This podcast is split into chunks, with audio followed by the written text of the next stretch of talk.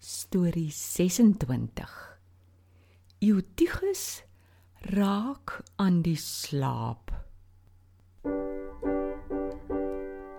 Dis storie tyd, kom luister gou, 'n Bybelstorie net vir jou.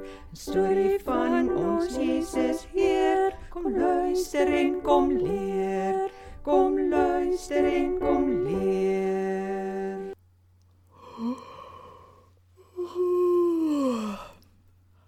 Hallo julle almal. Hallo Maartsen, hallo Tobias. Jongie, hoekom gaap jy sulke lang gape? Ag julle, ek het gisteraand te laat gaan slaap. Nou voel ek so tikkie sak vandag. Maar ek is darm bly jy is hier, want dit beteken jy wil graag 'n storie hoor. En jou gapery laat my nou dink aan die storie van Eutigus wat so vaak geword het. Eutigus snaakse naam. Vertel as dit lief aan hom tannie Karen. Maats, Tobias. Paulus was nog steeds besig met sy derde sendingreis. Hy het van stad tot stad gegaan en die gelowiges moed ingepraat. Hy kon ongelukkig nie lank op een plek bly nie, want hy wou so graag by al die gelowiges uitkom. Een van die stede wat hy ook besoek het, was Troas. Paulus en die mense wat saam met hom gereis het, kon net 7 dae daar bly voordat hulle na die volgende stad moes vertrek. Die gelowiges het seker elke moontlike tydjie gedryk om te luister dat Paulus hulle vertel. Juis. So het dit gebeur dat die gelowiges die Sondag bymekaar gekom het om saam te eet. Paulus hulle moes weer die volgende oggend vertrek na Assus. Die Sondag het Paulus baie gehaat om vir die gelowiges te vertel. Hy het nie geweet of hy weer na hulle toe sou kon kom nie.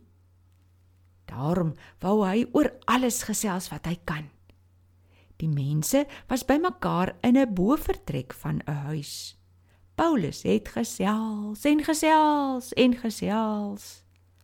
Later het dit aand geword en Paulus gesels nog steeds. Hy het net soveel in sy hart gehad wat hy met die gelowiges wou deel. Toe dit donker word in daai dofer trek, het die mense toe huis toe gegaan.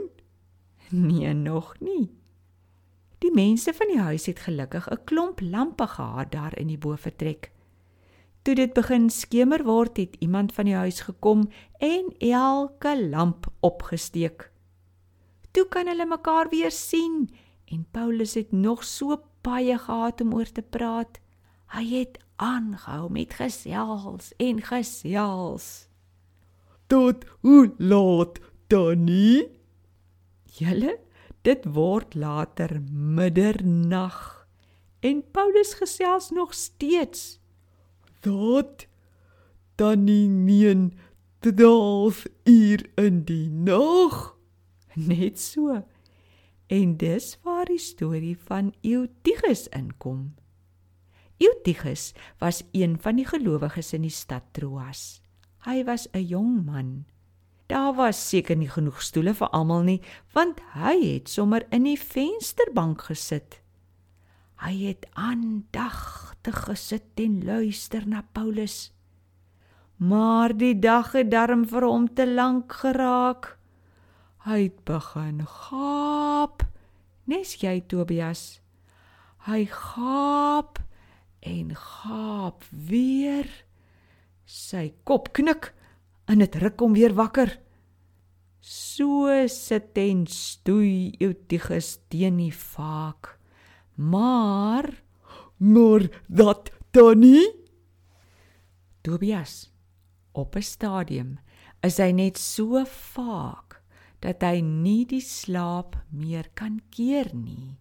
En toe, Danny, nee, hy het in die vensterdank gesit. Dat gedeur toe. ja, jy dink reg.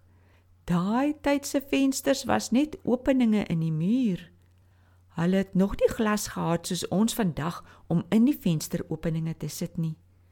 Ja, Eutychus raak toe vas aan die slaap.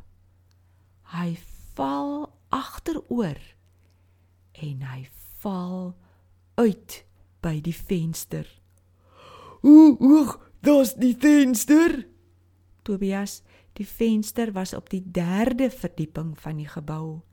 Eutychus het tot op die grond geval. Danny het hy dood geval. Die mense het hulle lam geskrik toe hy val. Hulle storm teen die trappe af om te gaan kyk wat gaan aan. Paulus het ook afgehardloop. En wat sal hulle sien?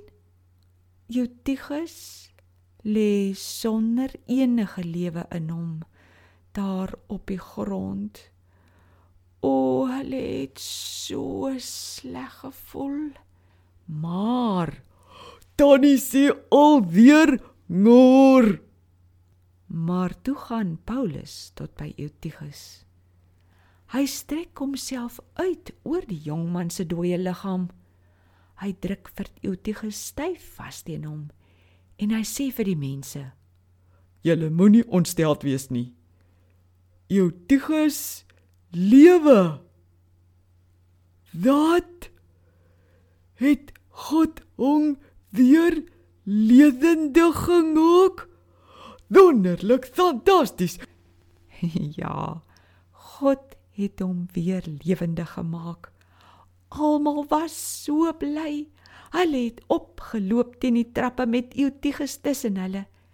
Paulus het die brood gebreek en hulle het nagmaal gevier. Paulus het toe sommer nog langer gesels met die mense. Hy het gesels tot hulle sien dit begin nou effens lig word. Toe is al die mense huis toe. Mense het saam met Eutychus geloop tot by sy huis. Die gelowiges was so bly. Die ding wat gebeur het, het hulle sommer weer vreeslik baie moed gegee. Sjoe, Danny. God is groot en sterk. Hy is wonderlik en doen wonderlike dinge. Ek is nou sonder niks meer saak nie. Ek is nou so opgewonde. Ek sal dadelik hierdie storie van Eutychus vir iemand gaan vertel. Gaatjies, verskoon my. Ek groet julle eers. Totsiens, almal. Maatjies, as jy ooit weer vaak voel en so stoei teen die vaak, onthou bietjie van Eutychus en ons wonderlike groot God. Ons kan hom loof en prys tot as ons vaak is. Totsiens julle.